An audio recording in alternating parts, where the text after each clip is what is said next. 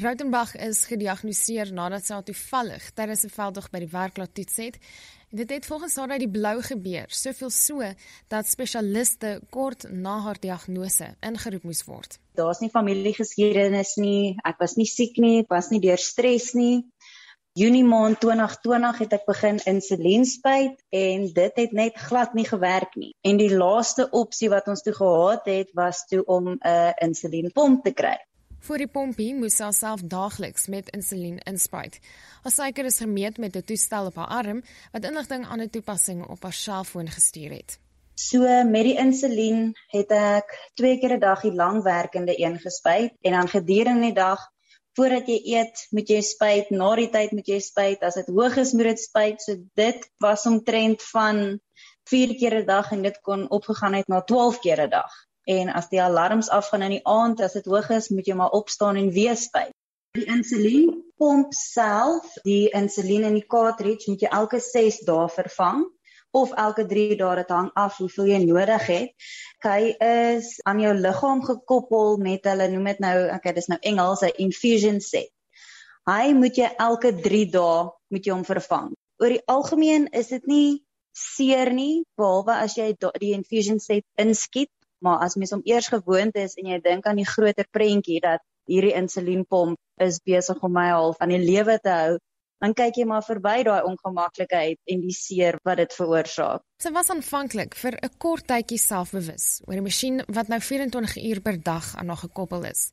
Maar nou beskou sy dit as 'n manier om bewusmaking te skep. Daar sal soveel mense en veral pasiënte wat ons sien hier by die Ooginstituut wat vir my vra wat is daai en hulle het nie daarvan geweet nie, kan hulle dit ook kry? Hulle ken iemand wat ook so sukkel. Die meeste mense wat blind word hier by ons is as gevolg van diabetes en dan sal ons vir hulle sê, jy moet jou diabetes onder beheer kry want jy gaan blind word. Ek kon nie verstaan hoekom kan hulle net nie hulle suiker onder beheer kry nie, hulle gaan blind word. Nou se kan die ander kant. Dis nie so maklik as wat mens dink nie. Net as jy dink, okay, jy doen goed en als dan kom die bloedtoetse terug, dan sit net soos van okay, dis nou nie wat jy verwag het nie. En selfs in openbare plekke word sy deur mense hoor genader, dikwels uit onverwagte oorde.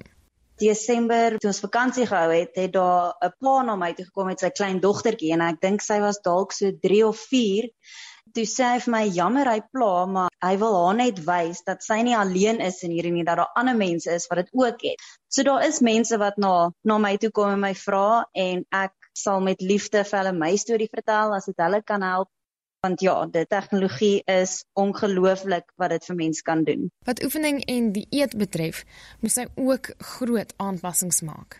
As my suiker hoog is, sal ek soos op by die huis bietjie oefeninge doen om dit af te kry. Voordat ek ook 'n insulienpompie gekry het, het ek die alarm soos 2:00 die oggend afgegaan, dan moet ek gaan oefening doen om dit af te kry voordat ek weer kan gaan slaap het. En dan ook die eet. Dis die grootste aanpassing en ek moet sê ek sukkel nog steeds so bietjie daarmee. Intussen moedig sy diegene wat diabetes ken aan om hulle bewus te maak van die gesondheidsimplikasies daarvan. Maar ook simpatie hê met hulle want dis nie 'n 'n maklike ding om te bestuur nie. Jou liggaam kan nou op iets wat jy eet reageer en môre reageer dit weer heeltemal anders. Dit is 'n lewenslange ding. En as jy nie mooi na jouself kyk nie, dan as jy ouer is, dan gaan jy die gevolge daarvan moet dra. Uiteindelik het haar familie en haar geloof haar gehelp om die kop skryf te maak.